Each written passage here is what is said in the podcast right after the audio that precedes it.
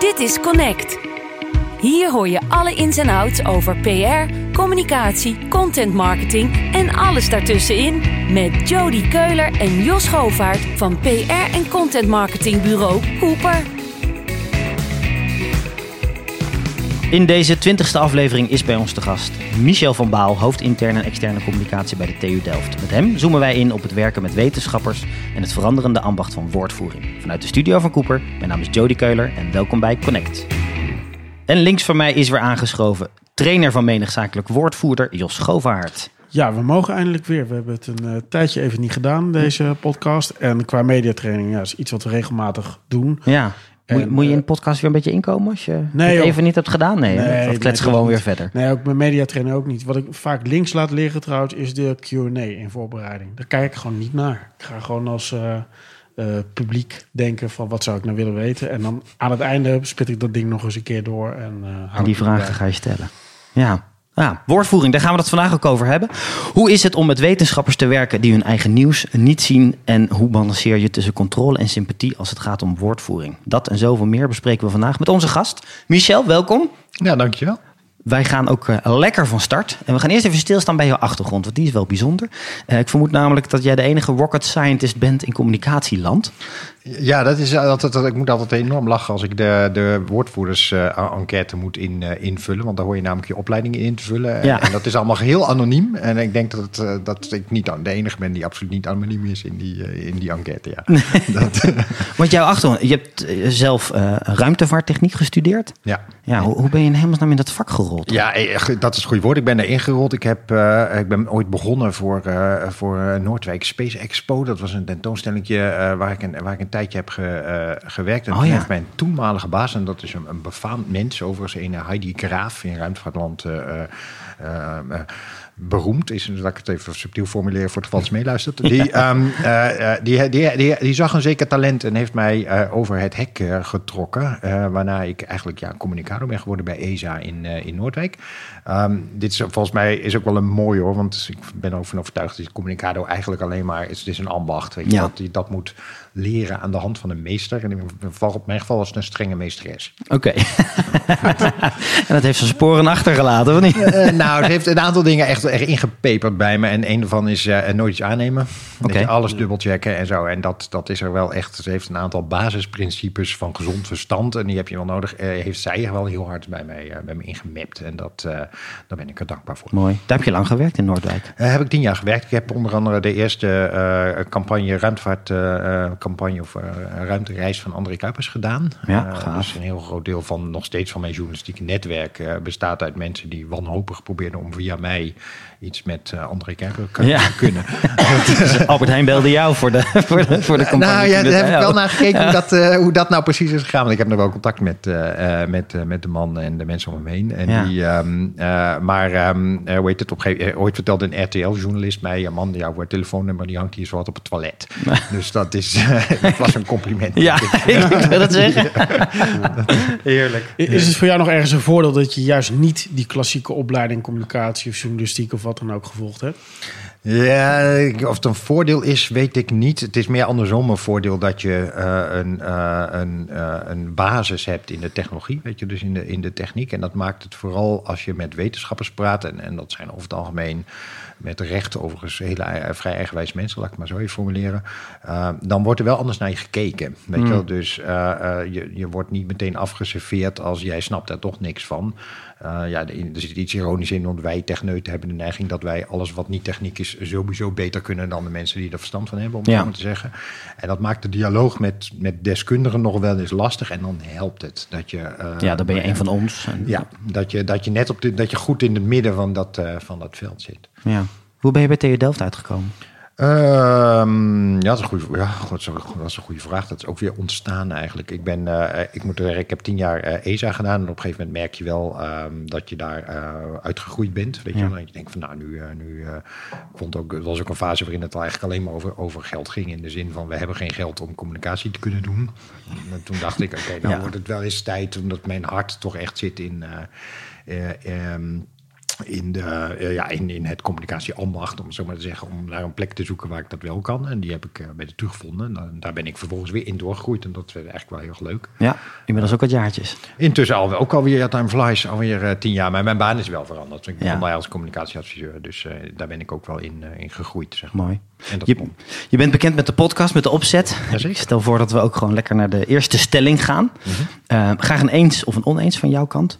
Eh, werken bij een universiteit is complexer dan in het bedrijfsleven. Eh, ja, je moet eens van een eens, hè? Ja, Ja, je moet- eens, eens, maar dan gaan we wel meteen omdraaien naar anders. Eh, omdat, als, als ik meteen mag, ik er meteen wat over Ja, van mij wel. Ja, ja. Je, je bent het ermee eens, maar, maar ligt toe. Ik ben het wel eens, maar ik, ik, op, ja, ik vind er zit een eh, waardeoordeel in wat ik niet helemaal deel. Niet noodzakelijkerwijs moeilijker of beter, et cetera. Het is vooral anders. In de zin dat je bij een universiteit eigenlijk per definitie te maken hebt met iets, iets wat, heel, wat ik heel mooi vind in het communicatievak. En dat is dat eh, de vloer het werk moet doen. En dat heet academische vrijheid. Dus elke wetenschapper heeft zijn eigen academische verantwoordelijkheid, maar ook zijn eigen vrijheid. En mag zelf bepalen of die op een bepaalde manier communiceert of niet, et cetera. Eh, wat je eigenlijk als communicatie vanzelf eigenlijk een heel dienstbare rol zet. Weet Ja. je, je moet dat proces ondersteunen en kijken hoe je met al die kikkers in die kruiwagen, zeg maar, een soort merk daaruit uit kunt laten ontstaan. En dat is iets, ehm, ja, je wordt gedwongen om het op die manier te doen. Je, je kunt niet zeggen, we, gaan, we zetten er gewoon corporate control op, zeg maar. We sluiten de deur en eh, we, we laten het werk doen door de woordvoerder. Dat, dat kan per definitie niet in de Nee. universiteit. Nee. Kom je er voldoende aan toe om al die fascinerende verhalen die binnen die omgeving spelen eruit te tillen? Ja, dat is veel koffie drinken in de, in de praktijk. dat is echt. eh, eh, je, je, en op een gegeven moment. En oh, wij overigens ook heel veel media trainen. doen we om twee redenen. Niet eigenlijk is, is het feit dat je mensen leert hoe je een interview.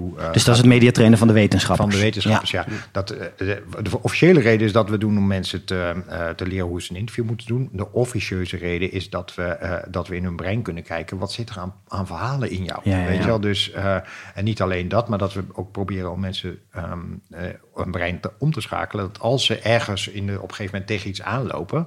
dat ze dan denken, oeh, nu moeten we even naar communicatie. Dit is wat. Ja, dit de dus- herkenning van dit het dus nieuws. zo leuk. Ja, Ja, ja, en dat, eh, en dat eh, daarmee als het ware beïnvloed je hoe de, de vloer naar de communicatieafdeling kijkt. En dat is eigenlijk veel belangrijker.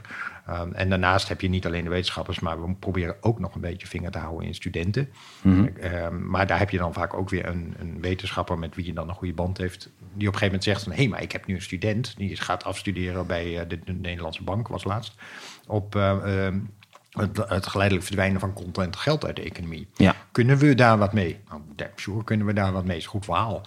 Dan moet je even afstemmen met de DNB of dat allemaal Ja, kan. Weet je, maar, dan, maar dan is een student ook een, eh, een onderdeel van de mensen die, eh, die je merkt. En niet alleen de, de zonnewagenbouwers, Ja. maar, ook de individuele afstudeerders. Hoeveel, hoeveel van die wetenschappers heb je rondlopen binnen TU Delft? Eh, Een stuk of 5000. Zo. En tel daar bovenop dus dat zijn kannen koffie. Dat, Dat zijn, dat- ja, de, de- de koffieverslaving is... eh, ja, nee, ja, ja, ik ben niet alleen. Hè, dat doe ik met een nee, mensen, heel gelukkig. Dat Maar eh, hoe groot is jouw team? Eh, we hebben een, ik heb twaalf adviseurs en daarvan zitten er een stuk of vijf op, op de specifieke, eh, zeg maar, wat wij dan altijd in het lelijke woord het primaire proces noemen. Dus de wetenschappers en, en wat ze doen.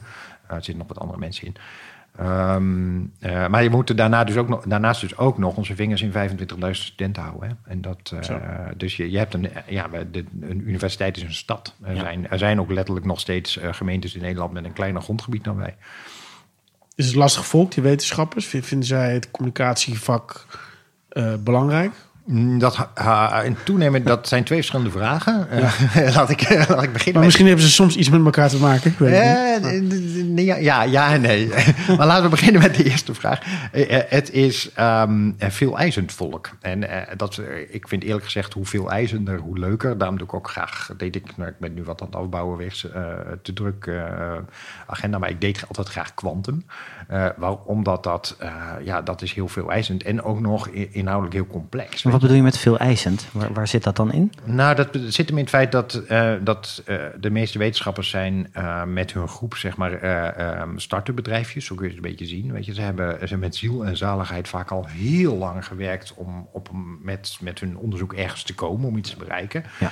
Ehm, en op een gegeven moment moeten ze die, een stuk van die verantwoordelijkheid voor hun levenswerk, om het ware, aan jou overhevelen. Ja, dat gaat niet vanzelf. Dat moet je wel verdienen.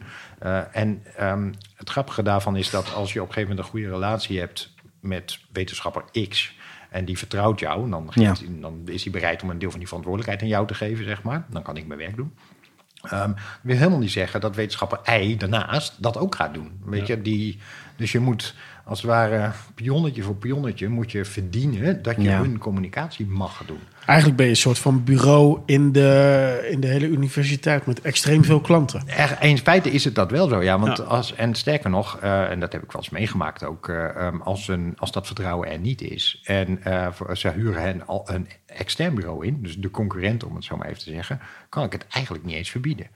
Oké. Dus ja. eh, eh, eh, dat als ik het niet eens ben, want dat is, ik, ik heb natuurlijk wel, mijn macht is hindermacht. Ik kan Hmm. namelijk dingen niet doen, weet je wel. Want ik heb Ja. 5000 mensen en als ik hiervan zeg van ja, maar dit vind ik of niet passen of het voelt niet goed. Of ik heb een reden, en dat gebeurt eerlijk gezegd nog wel eens en vraag me niet om een voorbeeld. Dan om te zeggen, hier ga ik even niet op lopen. ja. Dan, Noem eens geen voorbeeld, maar wel een, een, een soort toetsing waarvan je zegt, dan doen we er niets mee. Nou, dat kan zijn dat je het gevoel hebt van ja, dit is eigenlijk wetenschappelijk niet stevig genoeg. Oké, weet je wel? En dat, ja. Dat kun je toetsen hè, door, door even wat, na, wat koffie te drinken. Gaan we al, weet je, en even informeel te toetsen van hoe kijk jij erna, weet je wel. En, en eh, indien nodig eh, eh, kunnen we het ook opschalen. Maar er zijn wel eens momenten dat ik denk van ja, dit Ja, is... als het dan wankelt, dan denk je, nou, laten we ja, het niet want doen. het zijn 5000 eh, ehm, eh, eenmansbedrijfjes aan heel veel heel erg goed. Maar het is natuurlijk niet allemaal wereldklasse. Weet je? Daar moet je ook reëel in zijn. En dat is ook niet erg, dat hoeft ook niet. Eh, maar af en toe moet je dan ook eh, even toetsen van ja, wil ik hier eh, op, op gaan Ja. lopen. Ja. Er is één publiek voorbeeld hoor, wat ik wel kan noemen. Dat was de superbus van Web Orkels. Hmm. Waar eh, wij als universiteit van zeiden, ja, de, de, wel het, de, ik, eh, ken overigens Web Orkels eh, ken ik vanaf de collegezaal. Mijn hele, in elke baan die ik heb gehad, zat Ben je hem tegengekomen, ja. ik ken de man al heel lang. en die, ehm, eh, die man heeft, heeft zeer hoge inspirerende waarden, maar is soms, schiet soms een beetje door. In de zin van, ja, wij als universiteit gaan geen busverbinding maken tussen Lelystad en Drachten, of wat, wat het was. Ja. Dat is niet de taak van de universiteit. Ja. Ja, en als die daar niet mee is, dan huurt hij een extern bureau in. Ja. Eh, en dat kan ik niet tegenhouden. ja, snap ik.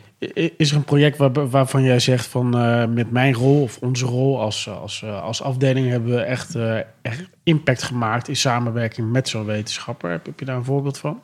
Ja, op, op zichzelf eh, ehm, eh, meerdere, maar je, je, je kan het nooit, ehm, je, je, zoals gezegd, het is altijd ja, co-creatie om een heel lelijk woord te, te eh, het is altijd een samenwerking. Ja, dat snap ik. Maar eh, het gegeven dat het bij Nou. elkaar komt, dat, dat leidt vast wel tot, eh, tot iets. Ja, dat- je ziet het bijvoorbeeld in het succes van het, eh, van het QTech-instituut. Eh, daar, eh, dat is echt wel een combinatie van uiteraard excellente wetenschap. Dat is wel echt on- eh, zonder twijfel wereldklasse, om het zo maar even te zeggen. Maar daar hebben we ook wel heel specifiek eh, eh, met communicatie en wetenschap samen, sa- samengewerkt. Of hoe zetten we die, de Quantum en Delft, dat eigenlijk heel nieuw was, niemand kende het. Ja. Hoe zetten, maken we dat nou goed bekend? En daar speel je als communicatie eh, wel heel duidelijk een, een rol.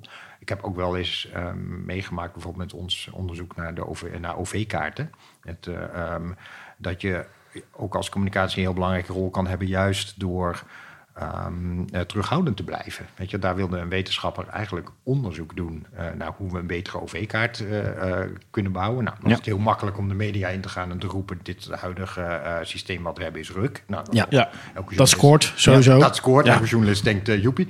Maar, maar daar ga je niet uiteindelijk mm, daadwerkelijk een, een proces mee kunnen opstarten...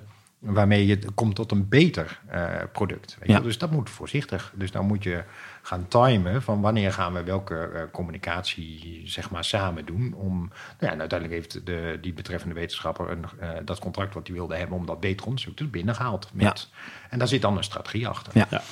Ja. Die doe je samen. En, en dat is ook het doel waar je dan samen voor gaat, neem ik aan. Ja, met de kanttekening dat de wetenschapper altijd de baas is. Ja. Het enige- Ik kan alleen maar eh, de deur dichttrekken en weglopen. Dat is mijn enige macht. ja, dus je bent adviseur in die zin eh, Ja, en, en in veel gevallen. Ja, en, Ja. eh, eh, maar, maar, en dat is heel fijn. En zeker vind ik, ook, vind ik alleen maar goed. Hè? Weet je, uiteindelijk de verantwoordelijkheid ligt altijd bij de Ja. wetenschapper. Vin- Vinden ze jou lastig? Eh, de- de- als ze dat zo is, dan uit. Nou, eh, als je mij in media. Nou, dat- ja, ja, jij hebt het nog niet over mediatraining gehad. Maar als je mij in mediatraining bent tegengekomen, vergeet je me nooit meer. Dat, eh, maar Dat zal dan de herinnering zijn. eh.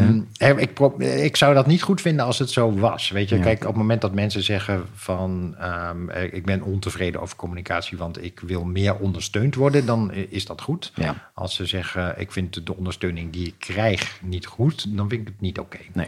Nee, nee snap ik. Die indruk heb ik overigens niet, maar, de, eh, maar dat is het verschil. Kijk, mensen mogen best ontevreden zijn, maar dan, dan omdat ze het niet eens zijn met onze keuze om betrekkelijk weinig communicatiekracht op een onderwerp te zetten. Ja. Mag je het niet mee eens zijn, mag je tegen vechten. Weet je, je mag in, in theorie zelfs het zelf gaan doen. Ja. Dat kan ik niet eens verbieden. Eh, en dat is onderdeel van het spel. Weet Ja. je? Dus ja, daar moet, zo moet je continu proberen hoeveel, ja, wie geef je wat aan, eh, aan aandacht. Ja, mooi. Je liet mediatraining al, Schitterend eh, bruggetje. Al vallen. we gaan door naar de, naar de tweede stelling. Ja. Eh, inderdaad, over mediatrainingen gaan we het nog even hebben. Eh, de ABC-methode, antwoord, brug, controle, in woordvoering is een verkeerd advies in mediatrainingen. Ja, absoluut. Vertel, waarom is dat zo verkeerd? Nou, ehm, eh, ja, kijk, ik zeg altijd eh, in een goed interview of een, dynamiek met de media gaat over twee dingen. Namelijk, je moet controle hebben over het gesprek, Ehm, eh, maar je moet ook de sympathie hebben. En, en dat wil zeggen de sympathie van de kijker. En bruggetjes, zeg maar, zijn meestal een hele goede manier om, om die sympathie van die kijker weg te jagen. Weet je, ja, en als, als mensen niet bereid zijn om je te geloven, dan is het fijn dat je de message kan controleren, wij spreken, maar dan gaat niemand hem van je aannemen. Dus ik, ken, ik doe de bruggetjesoefening ook. Hè. Ik wil in een, in een, in een nog absurdistische eh, variant. Eh, maar doe ik hem wel. Alleen ik zeg er altijd één ding bij. Doe daar eens een voorbeeld van, van zo'n Nou, absurdistische variant. Eh, Nou ja, kijk, wat we dan altijd doen is we geven mensen een, eh, eh, een, een one-liner, ook met de mededeling, die moet je nooit gebruiken in een interview, maar alleen voor deze oefening. De- bijvoorbeeld eh, over, over tien jaar is dankzij ehm, eh, mijn onderzoek de helft van de Nederlandse steden klimaatneutraal. Ja. Weet je, dat, zo, dat is dan de one-liner. Ja. Lekker concrete we, we- wezen in zit, anders werkt het niet.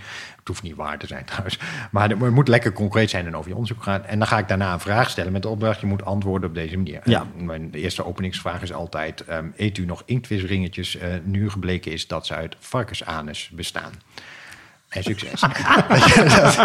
Over, eh, ik heb een hele lijst van die vragen. En dan zie ik alleen maar die, die, die snoet van zo'n wetenschapper voor Van, me. hoe lul ik dat nou "Wat? naar, eh, Pardon? Ja, de, de eerste blokkeert altijd volledig. Maar Ja. als je, daarom doen we het vijf keer met vijf vragen. Weet je, ze komen allemaal uit de, eh, uit de, uit de journalistiek hoor. Ik heb Ja. mensen, er zit ook tussen. Wat vindt u ervan dat de gemeente Kootwijk het seksende mannenverbodsbord uit het bos heeft weggehaald? Ja. Weet je, dus dat, dat zijn, het zijn allemaal van dat soort vragen. Ze zijn wel gebaseerd op, op, op echte journalistiek, zeg maar.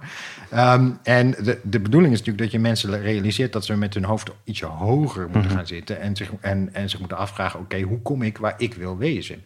En ehm, als dat binnen de speeltuin is van het gesprek wat je hebt afgesproken, dan, eh, eh, dan mag dat. Maar, maar je moet even leren dat je niet per se de vraag moet beantwoorden, maar Ja. je moet kijken wat ga ik doen met deze vraag. En vervolgens is de, eh, is de mededeling van ja, eigenlijk als je, moet je zorgen dat je het helemaal niet hoeft te doen. Ja. En je moet zorgen dat die journalist weet wat hij aan je moet vragen. Eh, en je moet zorgen dat je dingen vertelt waardoor de journalist de goede vraag stelt. Eh, dus ja, maar af en toe ergens in een gesprek, als je denkt: oh ja, wacht even, ik wil nog een ander puntje. Dan moet je, moet je in staat zijn om even naar een ander onderwerp te lopen. Ja, Dus het is, een, het is een tool, een gesprekstechniek die je wel moet beheersen. Maar als je het als dogmatisch standaard re- repertoire gaat hanteren, dan heb je het echt niet begrepen. Dan wordt het vervelend Dan ook wordt het eh, robot. Ja, dat zit een praatpaal, ja.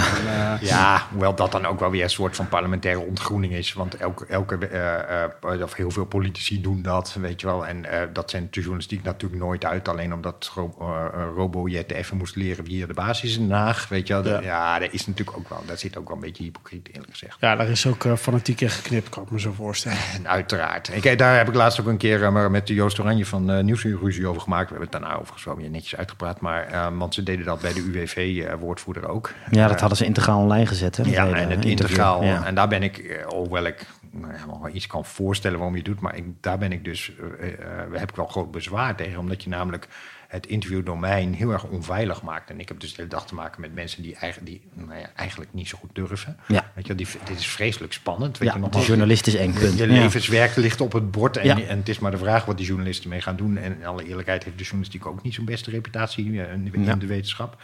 Vertel ze overigens altijd ook wel bij dat, eh, ehm, dat ze- de journalisten veel banger zijn voor de kwantumtechnoloog dan andersom. Maar goed, dat even tezijde. Ja. Een soort, soort spinnen. Nou, nou ja, ik heb, wel, ik heb Gerry Eikhoff wel eens van het parkeerterrein moeten halen. Weet je. Nou, die, die moest ik echt zo'n beetje naar binnen trekken. Weet je, want hij eh, ja, help mij hier in godsnaam. Wat voor item kan ik... ja. Nou ja, maar ik snap, Ja. dat snap ik vanuit het perspectief van, van Gerry Eikhoff Ja. ook wel. Weet je, je weet, het wordt een heel moeilijk onderwerp. Heel moeilijk om daar voor, Ja. voor een breed publiek begrijpelijk verhaal van te maken. En de volgende dag word je gegarandeerd beland je het op Twitter afgebrand door iedereen omdat je het niet gesnapt hebt. Ja. Ja. Dat, Eh, nou, van de weinige dingen die ik eh, positief vind aan Thierry Baudet... één ding wat hij wel goed begrepen heeft... is eh, dat je een narratief en een verhaal nodig hebt. Ja. En in een van jouw blogs eh, staat ook iets over...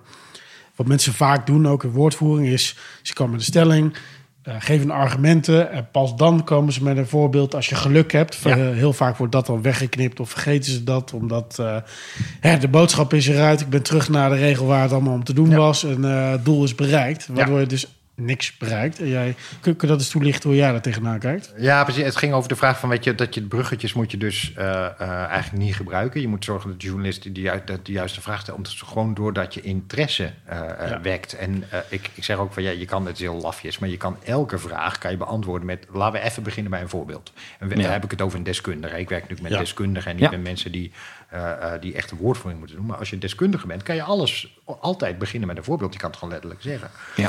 Ik heb eens meegemaakt dat we in een training zaten met een, een wetenschapper en die ging over ehm, eh, het belang van iconische projecten in de stad. Nou, Rotterdam, eh Marktallen, je, eh, Ja. weet het daar. Je, je kent de, de, si- dat situatie. En, en zijn standpunt was eigenlijk dat het geen zin heeft om een iconisch project te hebben. Je moet eerst naar gebiedsontwikkeling kijken. Weet je, of het wel past in de gebiedsontwikkeling. Heel abstract verhaal. Ja. Weet je? En hij sloot af met de, met, met de mededeling. ja, kijk, de meeste wethouders willen natuurlijk gewoon de Sydney Opera House. Maar, maar, heet het, maar ze krijgen in de praktijk zo'n mislukt kasteel langs de A7 bij Almere. Ja. ja. Ah, even. Weet je wat, draai dat daarmee. even om. Ja, weet je, want, want daar rijd ik lang. Ik zie het ding voor me staan, weet je. En als je dan vervolgens uitlegt waarom, uitlegt waarom het ene project wel een groot succes is... en zo'n project eh, ehm, een enorme flop wordt... en het antwoord is gebiedsontwikkeling... Ja, precies. Dan, eh, eh, ja, dan hang ik aan je lippen. Ja. Dat is eh, wat er bij Feyenoord City misgaat, onder andere. Eh, dat, dat doen ze precies hetzelfde. Inhoudelijk een goede keuze ten opzichte van allerlei eerdere projecten. Dat ze het gebied eindelijk eens een keer integraal eh, aanpakken. Maar daar heeft die Feyenoord supporter die van de Kuip houdt natuurlijk gewoon groot scheid aan. Interesseert, is- interesseert zich geen ene flikker. Die zien die eh 1, zoveel miljard voor het hele eh, project. En waarom is dat in godsnaam mogelijk als we niet eens van FC Utrecht kunnen winnen? Ja. Eh, ja, Puntje wel, hè? Ja, zo- Sowieso, eh, dus ik, ik begrijp het allemaal wel. Dan heb, dat is de sympathie hè, die je dan niet hebt. En, Ja. dat, eh, eh, ja, en dan, wordt het, eh, dan wordt het de boodschap over de bühne brengen heel Ja. erg ingewikkeld. Maar het zit ook in, eh, ook in het werk wat wij doen voor, voor klanten. Kijk, je, je, je wil contact met je publiek maken. Dus je begint niet met... Dit is mijn stelling en dit zijn mijn argumenten. Maar je moet vanaf seconde één moet je proberen te vangen... en aansluiting zoeken bij degene Ja. tegen wie je het hebt. En dat Ja. zit in iets begrijpelijks, iets voorstelbaars, iets beeldends, eh, noem maar op. Nou ja, kijk, dat zeggen, dat klopt, dat geldt voor een interview in het algemeen. Weet je, dat het moeilijke deel van een interview is niet het interview. Weet je, het moeilijke deel van het interview is de voorbereiding. De, de, de, het hele proces zit er drie fases in van hoe je een interview voorbereidt. Dat is waar de sleutel van een succes zit. En, en dan moet je nog in de afronding moet je even goed opletten dat je niet gaat zitten verprutsen. Maar het interview zelf is het makkelijkste stukje. Weet je, je moet alleen zorgen. Kijk, ik zeg altijd een soort speeltuin eigenlijk. Weet je, het moet wel ehm, over Feyenoord gaan als het eh, eh, over de Kuip gaat. Weet je, dan kan je het niet over, ehm, eh, hoe heet het, over de aandelenkoersen hebben van Philips. Wij spreken, dat Ja. gaat niet. Ja. Het moet, maar binnen dat interview heb je een aantal onderwerpen waar je het over kan hebben. Dat zijn dus de speeltoestellen van, Ja. van, het, van de speeltuin. En ik ben dan de journalist. Ik wil altijd op, op de glijbaan. En de, de glijbaanvraag is ook een blog van me. Ja. Ik wil op de glijbaan. En dat is lekker, want als iemand namelijk met me meeleupt op de glijbaan... dan kan ik vervolgens drie minuten zorgen dat iemand in die, in die beweging van... ik wil niet naar beneden glijden houden. Ja. Maar je moet, wat je je moet realiseren is... ik wil helemaal niet glijden. Ja. Ik wil schommelen. En, en vervolgens zeggen, tegen de journalist zeggen... kom, ga je mee schommelen. Ja. jij bent de deskundige. Ja. Als jij vindt dat er geschommeld wordt... dan moet ik met jou schommelen. Maar, maar dat vraagt in voorbereiding vraagt dat iets. Want ik denk hoe het heel vaak gaat is... een afdeling communicatie bereidt de boel voor. Aan de, aan de redactionele kant en de journalistieke kant... is het vaak een bureauredacteur die het beste zijn huiswerk doet. Ja. Dus tussen die twee mensen vindt het gesprek plaats. En dan, dan is er uiteindelijk een overdracht naar een verslaggever... die als je geluk hebt een half A4'tje leest... en uiteindelijk aan degene die het moet doen, de, de artiest. Ja. Ja, en volgens mij als je aan de voorkant, en dat geldt voor beide partijen denk ik, als je aan de voorkant weinig investeert, dan ga je dat terugzien in een soort van contactloos, chemisch, eh, nee, mechanisch verhaal. Ja. Dat, Nou, dat is toch iets wat lastig blijft, denk ik. En dat kan je aan jouw kant oplossen, denk ik. Door Ja. dienend te zijn in plaats van heel erg... eh, Nou- door iemand te helpen in plaats van voor te schrijven hoe en wat. Nou ja, ik, sterker nog, ik haal mezelf er tussenuit. In de Ja. zin van, ehm, eh, ik wil helemaal die voorbereiding niet doen. Kijk, Nee. eh, eh, de, waarom wij mediatraining geven, training geven is, eh, is eigenlijk vooral zodat mensen dat zelf kunnen. Nou, precies dat bedoel ik. Ja. Ja, dus, dus dan- je... Dus je kunt jezelf eruit halen met de kanttekening, weet je wel, van als je het niet vertrouwt of je voelt je onzeker. Er zijn bepaalde media waarvan je even, waar je even bij moet oppassen. Weet Ja. je wel, de, maar dat gemiddelde medium kun je gewoon heel open en je, je, kun- ze gaan echt, hoe heet het, zoveel- proberen echt zoveel hun werk te doen. Ehm, dat ook een stuk vertrouwen geven van jongens, de journalist is echt, journalistiek is niet zo slecht als je denkt dat die is. Weet je wel, als er een probleem is, ligt het heel vaak aan jou en niet aan de journalist. Ehm, eh, maar, maar doe dat zelf, weet je wel? Want dat Ja. is, het is beter voor jou, het is beter voor het proces, beter voor het resultaat. Mocht je het niet vertrouwen, of, eh, of het is een heel gevoelig onderwerp... en je wil, je wil graag dat ik even de domme vragen stel... wat jij niet kan, want jij weet er alles van... en ik moet even achterhalen voor je hoeveel weet deze journalist eigenlijk al precies... ja, dan ga je, stap ik ertussen. Ja. Wat zijn de drie fases? Je stipte net drie fases aan. Wat, wat zijn die drie fases? Ja, en, eh, nou ja, de drie fases van voorbereiding Ja. had het dan over. Hè? Dat, eh, ja, je, hebt er, je hebt er twee, die zijn vrij bekend en één, één minder. Eh, de eerste fase is de fase waarin je eh, gewoon moet verkennen met de journalist. Ja, wat heb jij eigenlijk nodig? Wat heb ik te bieden? Kunnen wij kunnen we een deal maken? Weet je? Dus kunnen wij iets doen waar we allebei blij van worden? Nou, dat moet je, je moet allebei iets te winnen hebben, weet je wel. Eh, eh, dat is fase één, dat is bekend. Ja. Fase 2 is ook wel bekend. Dan ga je, eh, moet je even gaan zitten. Dan moet je goed gaan nadenken. Welke voorbeelden ga ik gebruiken? Welke, welke woorden vind ik heel belangrijk? Welke woorden gebruik je? Welke lading? Welke emotie hebben die woorden in zich? Überhaupt over wat is de emotie van dit gesprek eigenlijk? Weet je waar ik, waar ik mee ga spelen?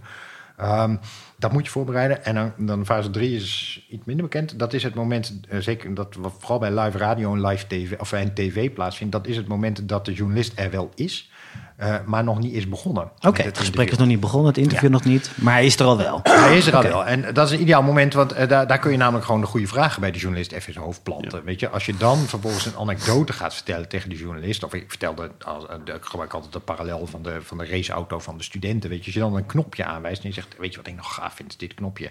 Als je dat drukt, gaat er al een laser aan, bla bla, gebeurt van alles. Ja, dan weet je al 100% zeker, de journalist gaat vragen, is dat knopje eigenlijk voor? Is dat Ja, weet je, dus- wat gebeurt er als je hier op hoofd zit. En meestal degene, zeker bij radio en tv, krijg je wat we net zeiden. Ja. Zeer sumier voorbereid over het algemeen. Dus je moet volgens mij altijd even, als je in een radiostudio zit, even contact zien te krijgen met de presentator. En binnen 1, 2, 3 vra- korte vragen moet je zien te achterhalen van, Ja. wat weet jij van mij? Wat kan ik in je hoofd prenten? Ja. Ja. Eh, en dan moet je mee zorgen dat je iets sympathieks doet. Even... eh, Nou, Ja. goed, gewoon een goed Eh, verhaal hebben. Ja, dat eh, en klopt. En eh, ik heb het zelf ook wel eens meegemaakt in de, eh, hoe heet het, in de commercial break eh, van, eh, eh, van, de, van een panelgesprek bij BNR. Weet je, een eh, kleine anekdote ertussen. En baf, je krijgt de vraag die bij die anekdote hoort. Ja, je moet natuurlijk wel... Zeg maar in de pauze dat het, eh, Ja, ja, dat- dat, dat je reclameblok van eh, start. Ja. Ja, oké. Je, het moet wel in dienst zijn van wat de journalist nodig heeft. Hè? Ik bedoel, je moet wel de, de, de gezamenlijke belangservice. Hè? En dat, dat is denk ik belangrijk. Je hebt een gezamenlijk belang vastgesteld en gezegd... oké, in de voorbereiding, we hebben allebei ja gezegd... want we hebben gezamenlijk belang. Moet je wel binnen lijntjes kleuren. Ja, Dat, ja. Hier blog je ook best wel veel over. Hoe, hoe is deze liefde voor mediatraining ontstaan? Eh, nou ja, dit is. eh, god, ik weet niet eens hoe het is ontstaan. Het is een ding. Ik doe nu eh, doe er, eh, 40 per jaar, 46 heb ik er vorig jaar geloof ik gedaan. Mediatraining. Mediatraining. Oké. dus ik heb intussen echt honderden gedaan. Ehm, eh, dat is ontstaan omdat, omdat ik de waarde ervan zag en, en het belangrijk vind. En zie hoe goed het werkt. Weet je wat de bijeffecten ervan Ja. zijn. Hoe je informatie ophaalt uit je eigen organisatie door zo'n instrument heen. Dat is bijna elke week eentje Ja. in een jaar. Ja. En dan hou je dan, hou je dan tien wetenschappers, groep je bij elkaar? Ja, hoe- tw- drie tot vier. drie tot vier. En dan heb je gewoon een hele dag dat je ze... Een halve dag. Halve dag, dat je ze klaarstelt. Ja, Ja. Met, met de kanttekening, we, hebben, we kunnen een uiterst compacte variant in 20 minuten doen. Mhm. We kunnen het ook voor grotere groepen, maar dan halen we één of twee mensen eruit waar we mee gaan eh, prutsen. Zeg maar. ik, ik zaag je eerst helemaal om. Hè, weet Ja. je, dat, eh, en, Ja, de glijbaanvraag eerst. Ja. ja, nou ik, nou, ik begin altijd, heet het, de eerste discussie, de eerste insteek is altijd om te zorgen dat het nergens over gaat. Weet Ja. je wel? Dus, eh, ehm, ehm, en dat is bijna altijd, je hoort niet bij mijn stam-emotie, weet je. Dus jij hoort er eigenlijk, je bent een psycholoog. Hoe voelt het nou om hier in Delft rond te lopen bij, de, al, bij Oh, al die super intelligente mensen? Weet je, dat, nou ja, weet je, op die, op die manier Uh, uh, ja, ik vind de leukste studentenvereniging altijd het leukst. Want dan, dan wordt het... Zuipen, dan wordt- ja, nou ja, ontgroenen. Bij ontgroenen wordt het soms helemaal heftig qua Hitlerpraktijk en zo. Dus dat, eh, daar, daar, daar kun je... Maar je kunt gewoon een, een, een pad in waarvan je weet... Je, mensen willen er naartoe, maar ze zijn gewoon onder die druk van dat moment. Die spanning, weet je wel, die, eh, die, die toch bedreiging Ja. die mensen ervaren... zijn ze niet in staat om creatief daarmee om te gaan. Les, je moet dit voorbereiden en dan doen we het eind van de training doen we het overnieuw. Maar dan voorbereid. Ja. En dan lopen mensen, dan doe ik dezelfde flauwe insteek en dan lopen mensen gewoon weg. Ja, en dan is trotse het, eh, pauw. Ja. Ja. en dan is het gewoon, dan ben ik klaar, weet je, dan hebben ze gewonnen. Die- maar eh, dat was de vraag niet. ik weet niet meer wat de vraag wel was, weet jij het nog? En nee, eigenlijk ook, niet- eigenlijk ook niet meer. Nou, dan gooi ik er nieuw in. Ja, Eh, zo zie je hoe Kijk, onbelangrijk mediatraining heb ik ook last van. Nou, de interesse, twee dat was het. Volgens Oh, mij ja. was dat de eerste aanleiding. De interesse van het mediatrainen. Volgens mij zat je op dat spoor. Ja, ik vind het vooral ook heel leuk om te... Het is heel nuttig, ik vind het heel leuk om te doen. En ik ben nu ook mensen intern weer aan het opleiden om het samen met me te doen. Want ik te veel, het is te belangrijk. Ik ben te veel single point failure. Dus ik heb nu een collega die het ook doet. Het vereist ook een bepaald licht humor. Ja, Dat is... eh, dat, eh, dat zit wel goed volgens mij. Sorry Jos. Ja, en, en real life events, weet je, dan ga je ook schrijven. Ja. Dat is, eh, er gebeurt iets en je, maakt dat, je trekt dat een iets groter perspectief en dan pak je de pen. Ja, En, en, ik eh, vind, eh, maar volgens mij delen we dat, is dat het eh, sowieso dat het eh, communicatieveld wat meer mag praten over, over wat ze doen en waarom ze het. Ja. Daarover gesproken, mediatraining hebben natuurlijk last van twee frames, zou je kunnen zeggen. Mhm. De een luidt ongeveer van, eh, nou, die kan wel mediatraining gebruiken. En de andere is, nou, die is helemaal kapot gemediatraind. Ja. Hoe komen we daar godsnaam vanaf? Eh, Eh, het is zo- het is zo'n, volgens mij weten jij en ik, als je het op een goede manier doet, heb je er Ja. baat bij. Punt. Ja. Is gewoon zo. Alleen er, er blijft iets rondzwerven. eh Ja, de het is- mediamensen met name. Die Ja. zijn misschien nog wel wat eh hardnekkigers daarin. Ja, die, dat is, die zitten hier heel dubbel in. En dat is, ehm, eh, daar zit ook een soort Calimero-effect in. Van het is niet eerlijk dat jullie met, eh, met tien keer zoveel zijn als, als wij. Wat, nou, Ja. Dus heb ik volgens mij ook ooit opgeschreven waarom dat gewoon niet waar is. Eh, maar dat, daar zit een soort. Ik, ik snap de frustratie wel, eh, zeker gezien vanuit dat er toch te veel organisaties zijn die gewoon de deur zo dicht mogelijk houden. En, Ja. en een niet-zeggende woordvoerder naar voren schuiven. Ja, en alleen iets willen vertellen als het in hun belang is. Ja, en niet thuisgeven als... eh, eh, ja, vanuit dat perspectief snap ik de journalistieke eh, eh, frustratie wel. De harde realiteit is dat ze in de praktijk super blij zijn... met het feit dat wij deskundigen, met deskundigen komen... eh, die vanuit een lekker voorbeeld een goed verhaal kunnen vertellen. Weet je? Ja. Dus in de achtergrond zijn ze... en dat zeggen ze ook gewoon informeel altijd tegen me... Weet je, zijn ze heel blij dat we doen. Weet je wel, op het moment Ja. dat we even het... wat ik altijd het eh, rituele theater van de zuivere journalistiek aan het doen zijn met z'n allen... ja, dan, eh, dan is het opeens fout. Ja. Ik, ja, nou ja, ik, ik, is te makkelijk. Ja. ja, ik, ik, vind het, ik vind het een ritueeltje geworden. En ik, ik vind het niet goed voor de journalistiek. Ik, maar tegelijkertijd vind ik ook dat wij van communicatie beter eh, uit moeten leggen wat we doen en waarom we doen. En dat zijn, daar zijn we, ja, jullie doen het. maar we zijn daarin nog met echt te weinig.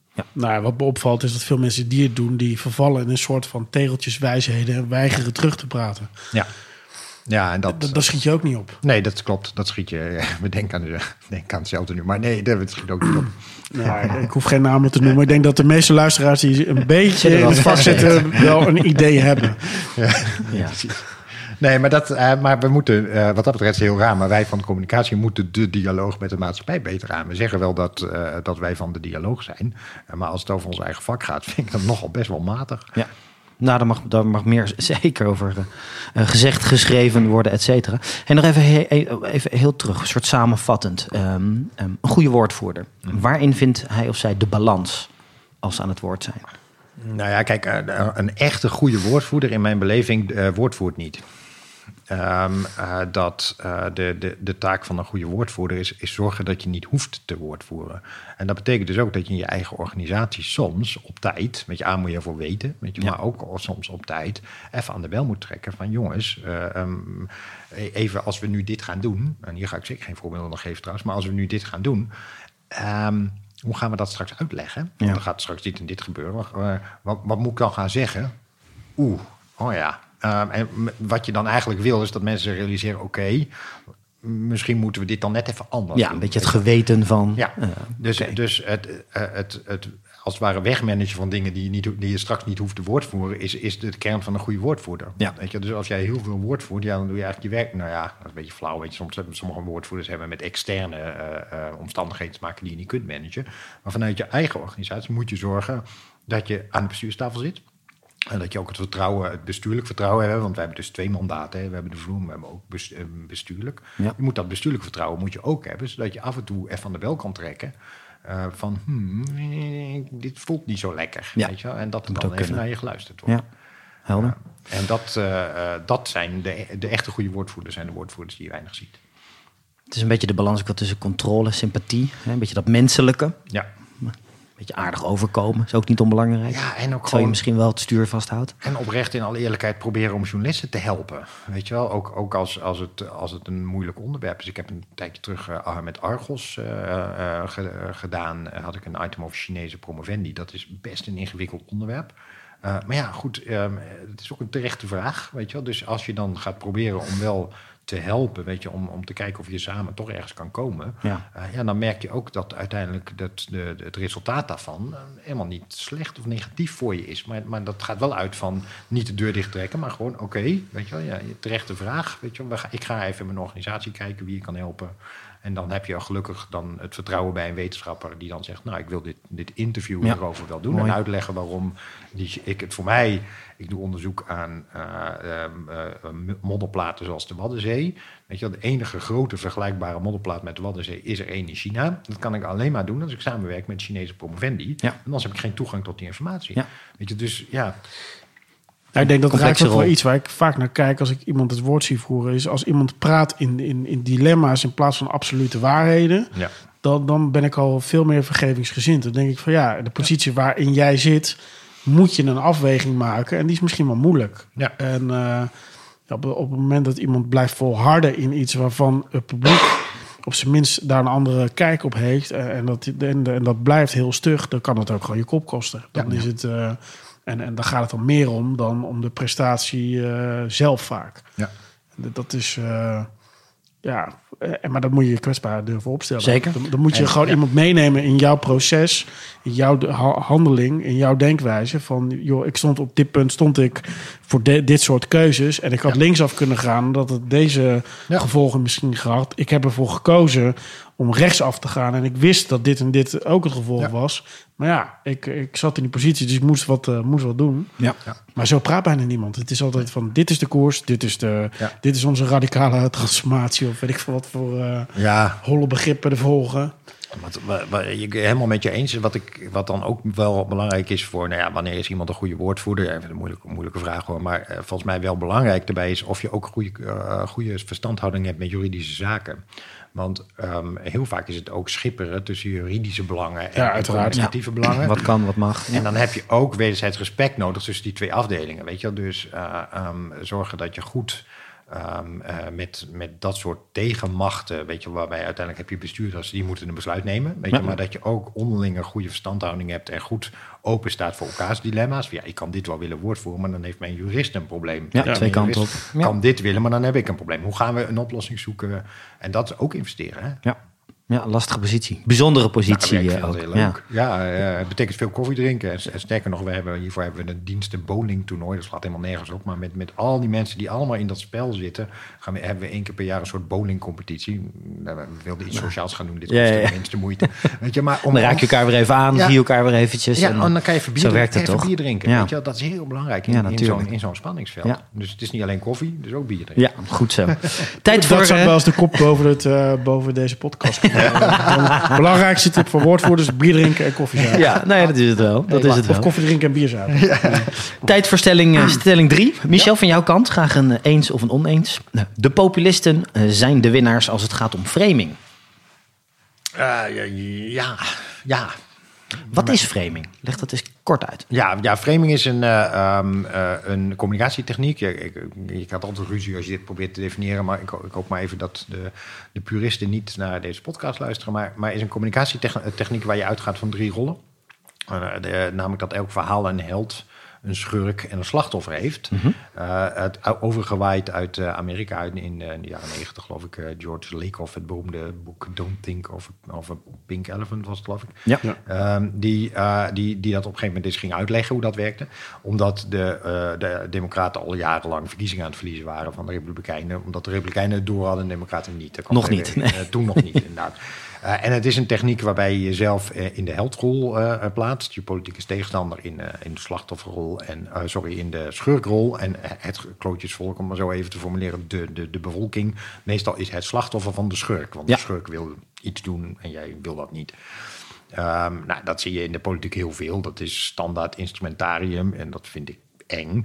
Want eh, het gevaar daarvan, dat werkt namelijk als een dolle. Weet je, Ja. er altijd, is- Noem eens een voorbeeld, gewoon voor de luisteraars, dat ze meteen snappen. Oh, ja. nou ja, het afscha- we hadden de, ah, bijvoorbeeld het even iets heel technisch afschaffen van de wet Hille.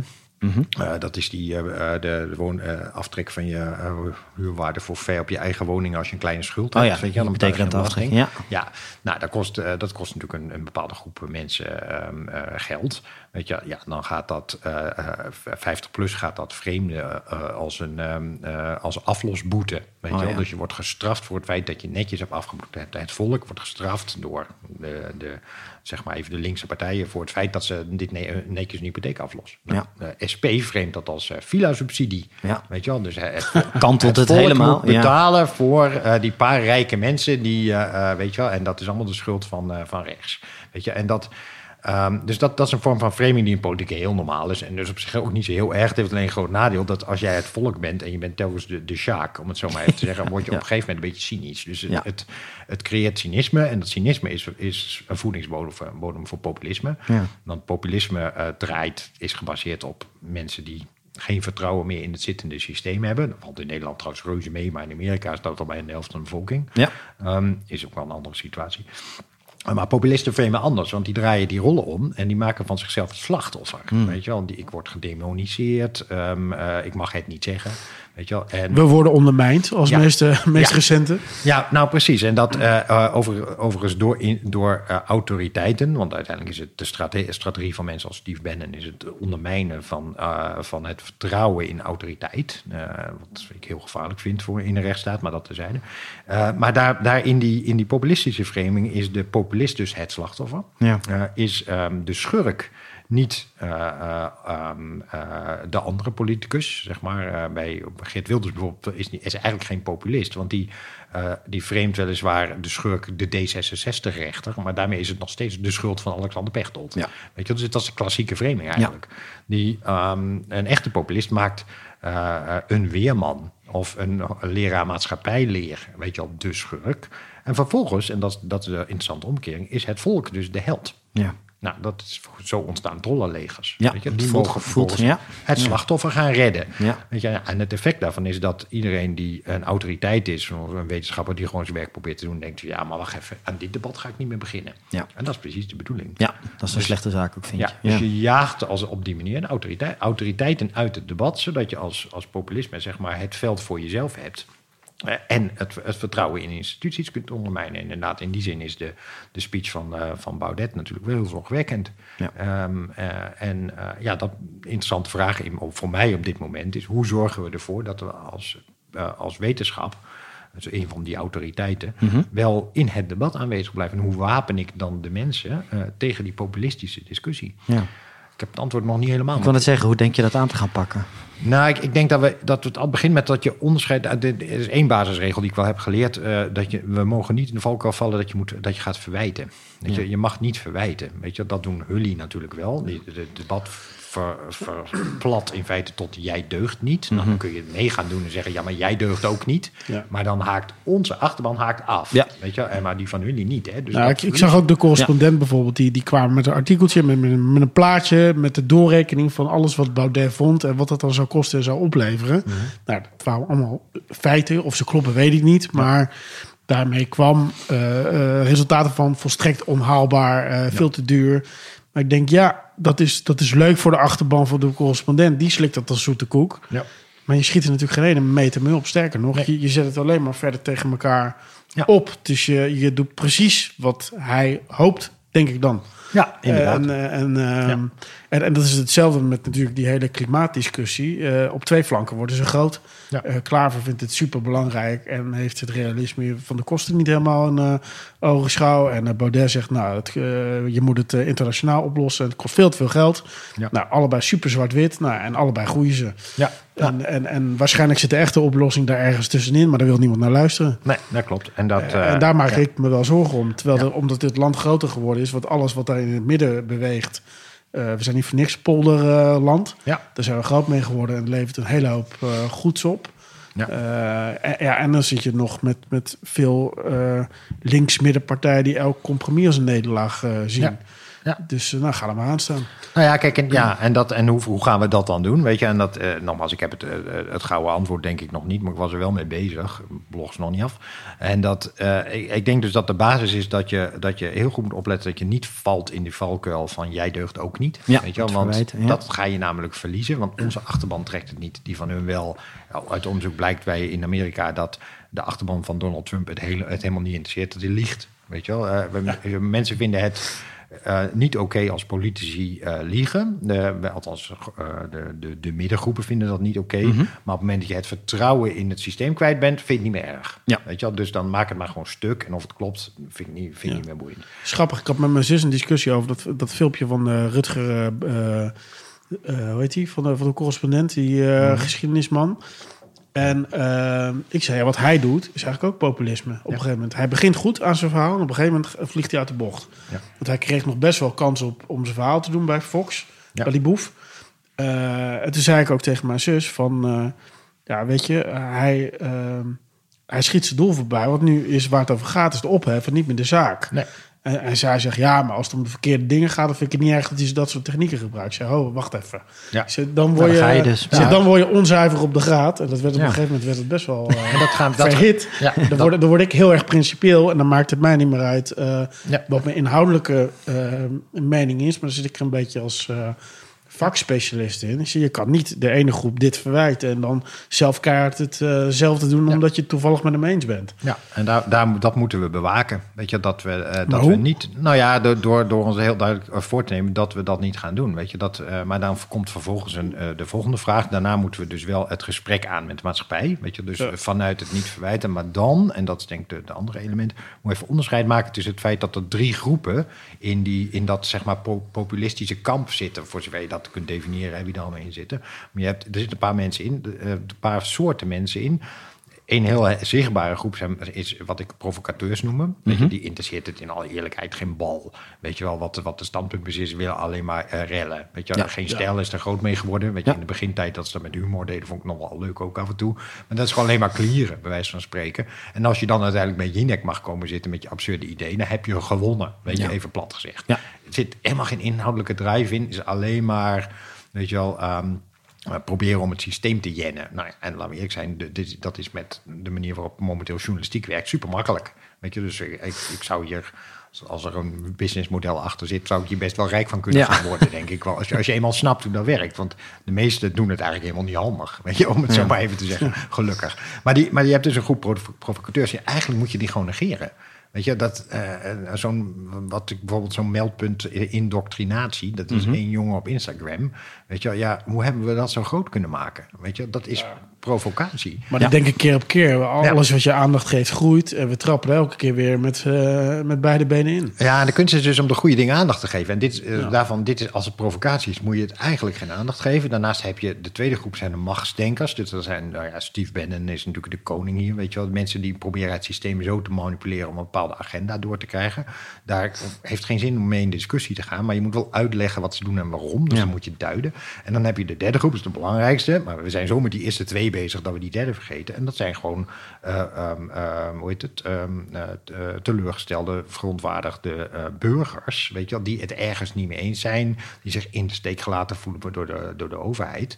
Ja, met die mensen moet je in gesprek. Ja. En het grappige is, ik doe het wel eens op Twitter.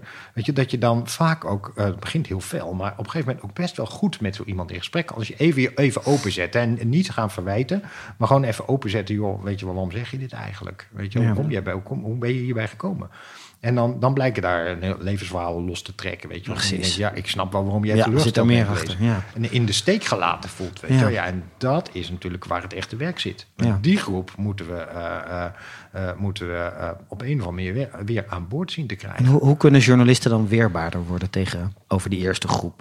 Nou ja, eh, over die eerste groep. Ja, ik, ik denk dat we, wij, zeg maar, als maatschappij ook eh, ehm, eh, iets veel eisender in de richting van de journalistiek moet zijn. Want ik, ik zag in mijn eigen ban, achterban ook een soort tendens dat wij dan vervolgens gaan van allemaal van elkaar gaan lopen eisen.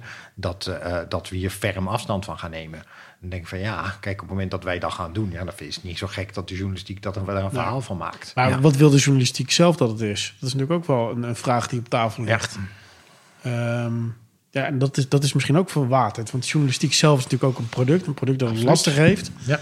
Ja, en dan is toch eh, de kijkers trekken. eh, het journalistieke product verkopen. Ja, dat gaat over, over de rug van dat soort eh aandachtstrekkers. Natuurlijk wel een stukje makkelijker dan een genuanceerd verhaal. Dat is natuurlijk ook gewoon lastig. Ja, de- ja dat één. eh, En eigenlijk groep twee, want we hebben nu over groep één. Weet je, af en toe dan krijgt er één eh, de, de, de aandacht en dan Een wordt het een rel. ja. En na een dag zijn we het weer vergeten, weet je, als je, als je, Ja. als- je geluk hebt.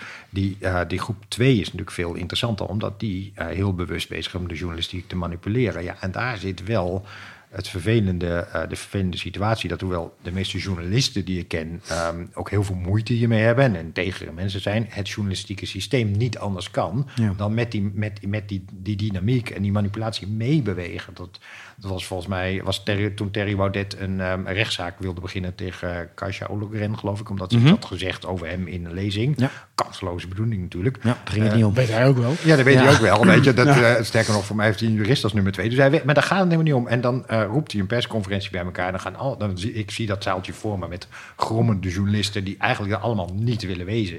Maar ze moeten wel. Weet je wel, eh, ehm, Terry Baudet die, eh, die gewoon eh, die, die, na die aanslag... Weet je, die verkiezingsbijeenkomst laat doorgaan. Omdat hij weet, op dezelfde manier grommend... al die journalisten daar, daar weer verslag van moeten gaan doen. Terwijl ze het niet willen. Althans, als je met mensen vraagt, dan vermoed ik, ik kan niet in hun ziel kijken, maar ik vermoed dat heel veel mensen grommen denken van, ah, dit moet dat dat nou? eigenlijk niet. Maar ja, wat jij zegt, het is een product. Ja. Eh, en de hele ellende is, wij moeten natuurlijk als, als volk ook in de spiegel kijken. We willen het allemaal wel weten, wat er met Donald Trump gebeurt in Amerika. Weet je, als wij het niet lezen, eh, eh, dan, of niet naar Nieuwsuur kijken, ja, dan...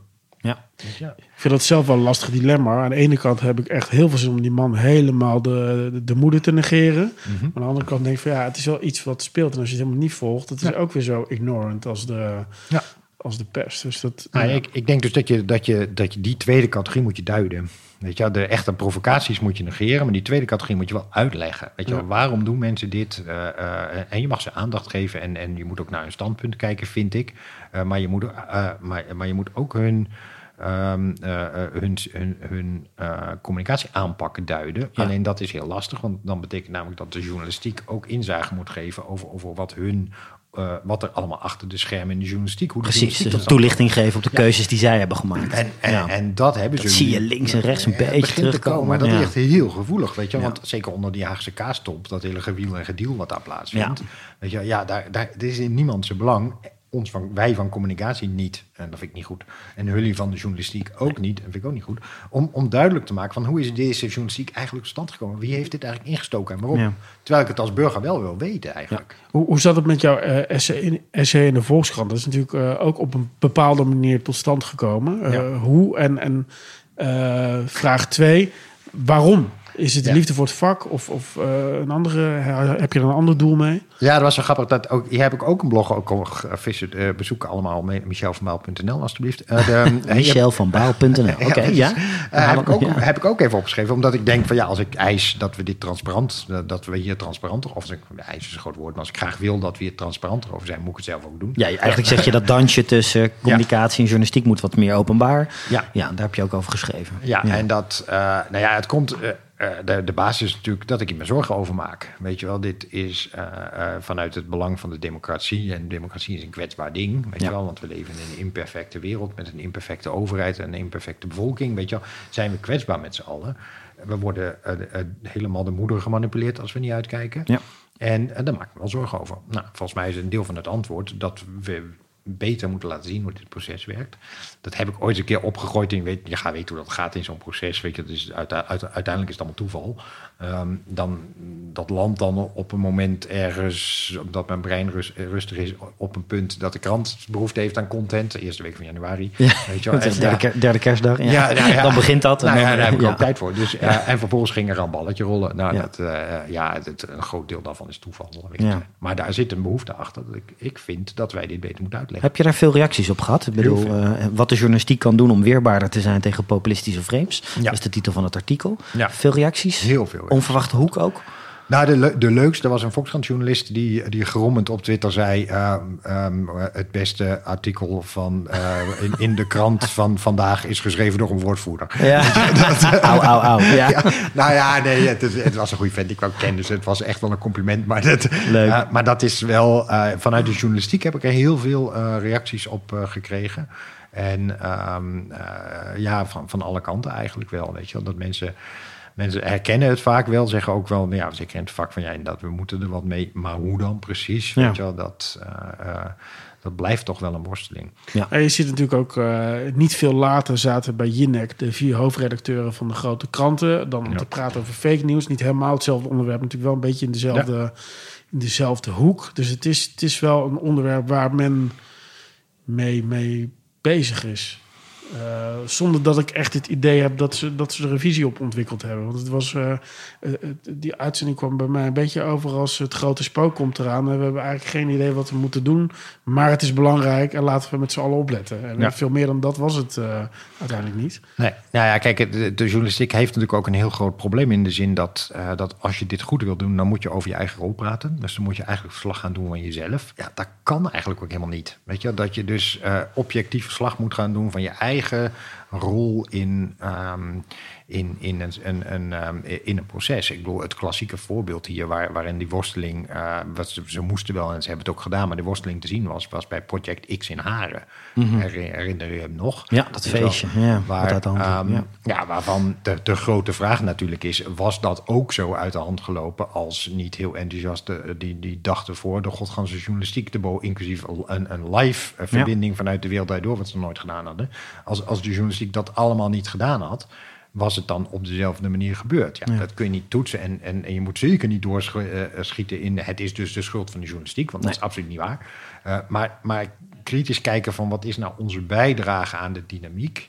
Je ziet dan heel snel dat ze toch terugschieten is van... ja, wij doen alleen verslag van wat er gebeurt. Ja, dat is niet waar, hè? Nee. Door, door, door- jij bent degene die de keuzes maakt van wat nieuws is. En daarbij bepaal je voor een belangrijk deel ook wat eh, mee in wat er gebeurt. En Ja. die verantwoordelijkheid, die voel ik niet altijd. Ja, ik voel wel dat de journalisten die het individueel dat dragen... maar ze dragen die, eh, het als instituut niet uit.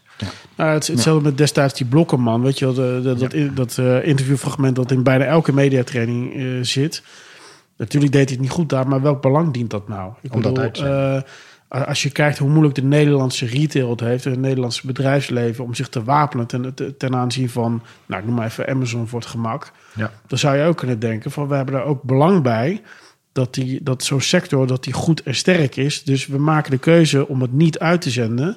en na afloop tegen hem te vertellen van... joh, je was niet zo sterk hier. Nee. Dat, dat had je ook kunnen doen. Zeker, dat is een keuze. Eh, ja. Overigens is dat, gebeurt dat natuurlijk ook wel, maar dat zien we niet, want het wordt niet uitgezonden. Nee, dat En is waar, dat is ik waar. heb ook eerlijk wel eens meegemaakt hoor, dat, ehm, eh, dat eh, zeker in de begindagen, eh, maar, maar jij hebt de situaties waarin je niet zo grip hebt op het proces, dat, wij, dat ik als communicator denk, oeh, dit, deze combinatie tussen een deskundige en, en dit gaat volgens Niet mij lekker. niet lekker werken.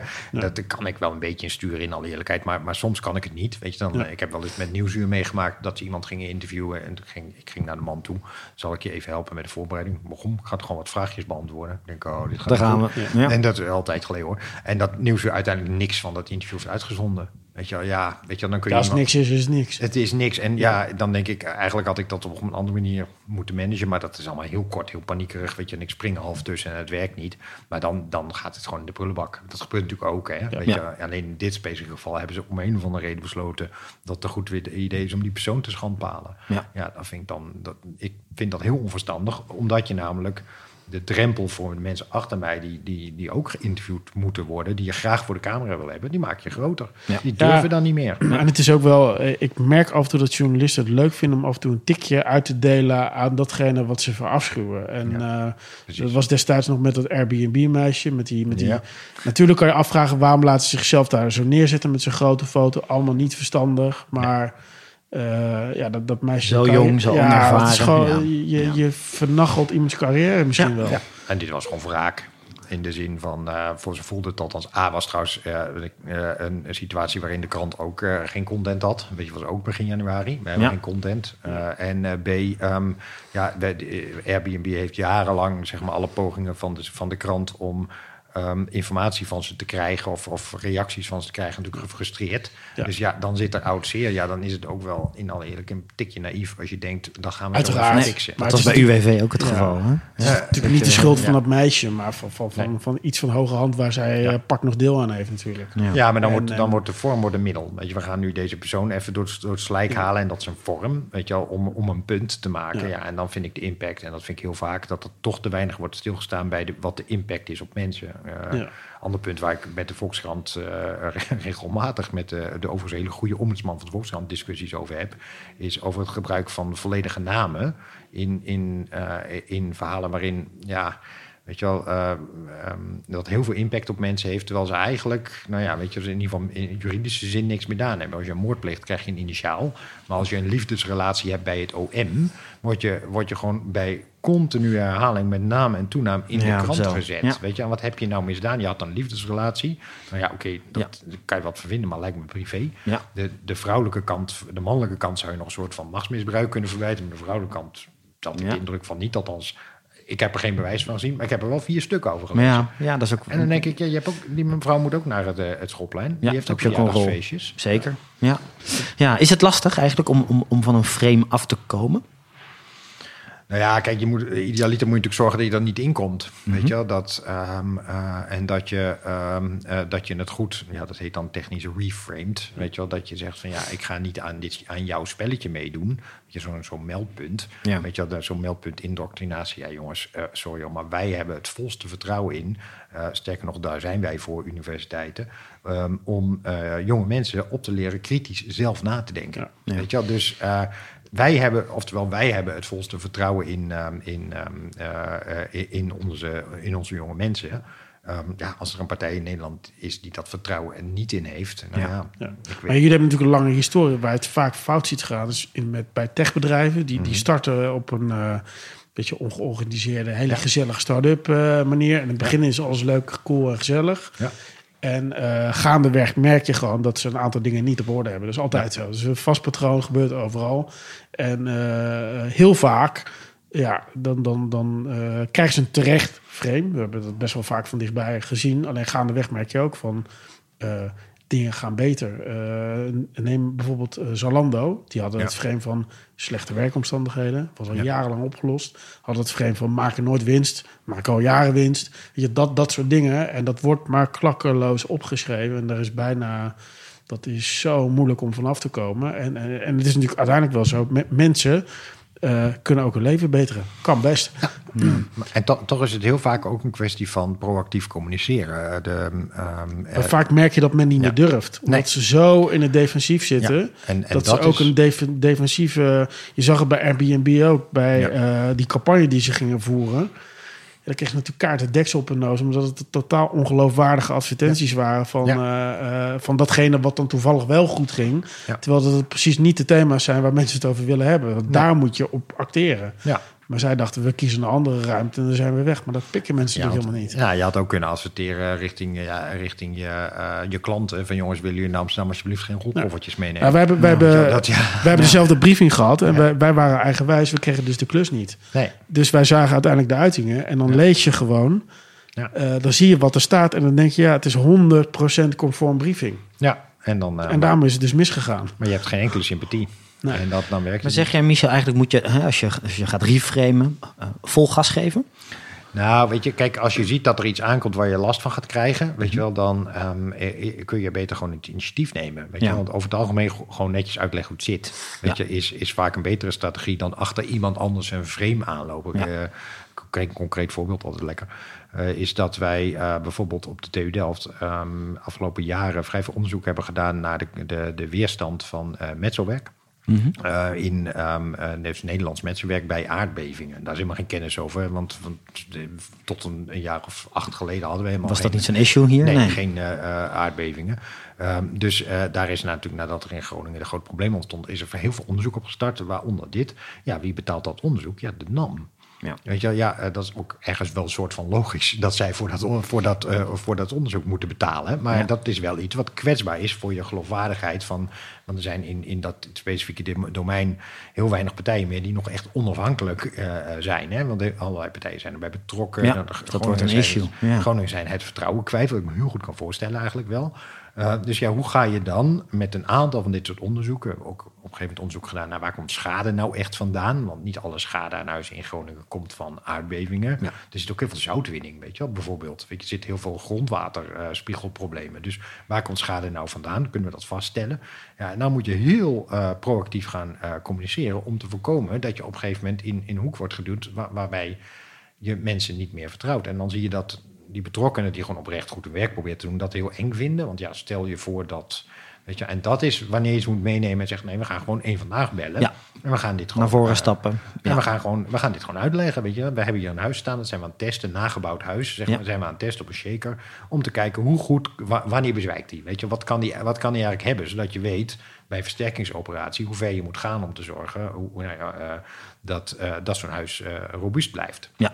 Ehm, nou, dan moet je dan gewoon netjes gaan uitleggen. En dan komt er een item uit wat keurig was, waar de terechte vraag in zat: wie betaalt dit eigenlijk? Nou, waar het keurige antwoord in zat: ja, de NAM. Ja. Eh, en dat is ook zo. En, eh, eh, en dan heb je reputatietechnisch geen enkel probleem, omdat je het initiatief hebt genomen. Precies. Ja. Dus niet Ja. weglopen voor je verantwoordelijkheid. En ook als het moeilijk is, als er iets, iets kwetsbaars in zit, toch proberen om dat zelf goed uit te leggen. Ja. Nou, het ene frame schud je natuurlijk wat makkelijker van je af dan het ander. Ja. Je hebt ook zo'n frame om je over je schouders eh, hangen. De 1 april grapdeskundige. zo, zo lazen. Ben je er blij mee? Nou ja, ik cultiveer hem, dus dat zal dan wel. eh, die, rondom deze periode in het jaar eh, maak ik me daar altijd druk om. En denk inderdaad, het frame komt. Ja, het is dus, laat ik eerst zeggen, het is niet serieus bedoeld, maar er zit een. ehm, ik, was, ik ben ooit opgevoerd in de Telegraaf als, als deskundige op het vlak van 1 april grappen, omdat ik ooit eens eh, geanalyseerd Ja. had hoe een goede 1 april grap in elkaar moet zitten. Ja, en ik heb die deel je dan toch ook wel weer op Twitter zelf? Ja, Ergens ja, vind je dat frame dan ook wel weer een beetje je- smeuig en leuk. Ja, nee, dat is wel. Het, maar het is ook relativering natuurlijk. Ik laat, je laat ook wel zien, en dat is misschien de achterliggende boodschap, hoe relatief eenvoudig het is om ergens deskundig in in te worden. Ja. heb je niet heel Zelfs veel, de 1 april daar heb je niet heel veel voor nodig. Weet je? Dus dat, eh, dat is misschien wel de onderliggende, eh, de onderliggende boodschap. Is, ehm, de, eh, de journalistiek vraagt om deskundigheid aan ons. Maar eh, is al heel snel tevreden met een bepaald level van deskundigheid. Het is helemaal Ja. niet erg dat je over een onderwerp niet echt alle ins en outs weet. Weet je eh, een, de grote lijn is vaak al goed genoeg. Ja, mooi. Mooi. Ehm, het lijkt me ook een mooi. Heb, nou, nog even terug naar 1 april. Wat, wat was de beste in jouw ogen? Ik, eh, ik zie al jaren geen goede 1 april grappen meer. Eerlijk gezegd. Ja, de beste was van, mijn, eh, van, mijn, van de juf van mijn jongste eh, school. De, van mijn jongste op school. Die had ehm, eh, een, een nieuwe app op, de, op, het, op het digibord. We, Ja. we hebben het over 6, Ja. 7-jarigen. Ja. Waarmee je automatisch kon scannen of kinderen luizen hebben. Dus dan moesten alle kinderen moesten voor, even voor het bord komen staan met hun hoofd zo naar beneden. en, dan, eh, ehm, en dan kwam hij drukte dus op een knop. En dan, dan kwam er precies op het scherm staan wie er allemaal luizen hadden. Ja. Nou, toen op de knop drukte kwam er uiteraard. Ja, heel Maar mooi. Ja. Dat, die, die, Die is goed. Scholen is- zijn er vaak wel een beetje de geur-tv uit de jaren 80 die Ja. kan, die of 90 die ik nog kan, Nou, maar kan dat zijn toch ook de leukste. Kijk, alle merken die er bovenop vliegen. Denk je toch, het is Ja. een moedje, het staat op de kalender. En, Het, eh, ja. het zijn geen 1 april grappen. Hè. Dat zijn, het is eh, con- content branding met Het is een beetje inhaken. En, eh, Ja, of het is ja. gewoon het moment gebruiken om je eigen boodschap op een of andere... Dat vind ik dan nog relatief de beste. Dat je Ja. dan wel van het moment gebruik hebt gemaakt... om nog even iets tussen de oren te Ja. krijgen. Ja, Eh, maar het meeste is gewoon pulp. Ja, Ja, ja, ik dat zijn, eh, soms heb je een viral, weet je, wat Google deed met die tulp. Dat was absoluut geen 1 april grap, voldeed volstrekt niet aan de eisen die ik eraan heb. Maar, Mhm. maar als je het een beetje viral kan gaan Het was leuk. Dan heb, je, dan heb je een leuk aandachtsmomentje Ja. op, op, op, het, op het moedje van de journalistiek moet iets met 1 april en, en wij met z'n allen. Net zo goed als de journalistiek iets moet met, eh, met Valentijndag. Precies, Maar dat- ja. tot dat level is het helaas gedevalueerd en echt goede grappen zijn zeldzaam. Ja, nou ja, we gaan jou in ieder geval volgend jaar april weer in de gaten houden. Net de dagen rondom 1 april. Een beetje duiding daarin te vinden en te lezen. Ik geef ze een cijfer. Helemaal goed. De datum van opname is trouwens 3 april. Kijk, Ik ja, weet voor niet precies wanneer het online komt, maar eh, dan weet men dat. Hey, dan de laatste vraag, eh, Michel. Als mensen met jou willen connecten, waar kunnen ze dan het beste terecht? Eh, nou, op Twitter eh, is de, ik ben Michel van Baal op, eh, op Twitter en ik heb inderdaad mijn eigen weblog. We hebben het over een heleboel weblogs eh, gehad en ik heb er nog veel meer eh, die te- nu te lezen zijn op michelvanbaal.nl. Ehm, LinkedIn, maar ja, in alle eerlijkheid, eh, als, je, als je echt iets tegen me wil roepen, heel graag eh, dan eh, op eh, Twitter. Helder. Michel, namens ons beiden, dankjewel voor je komst. Graag gedaan.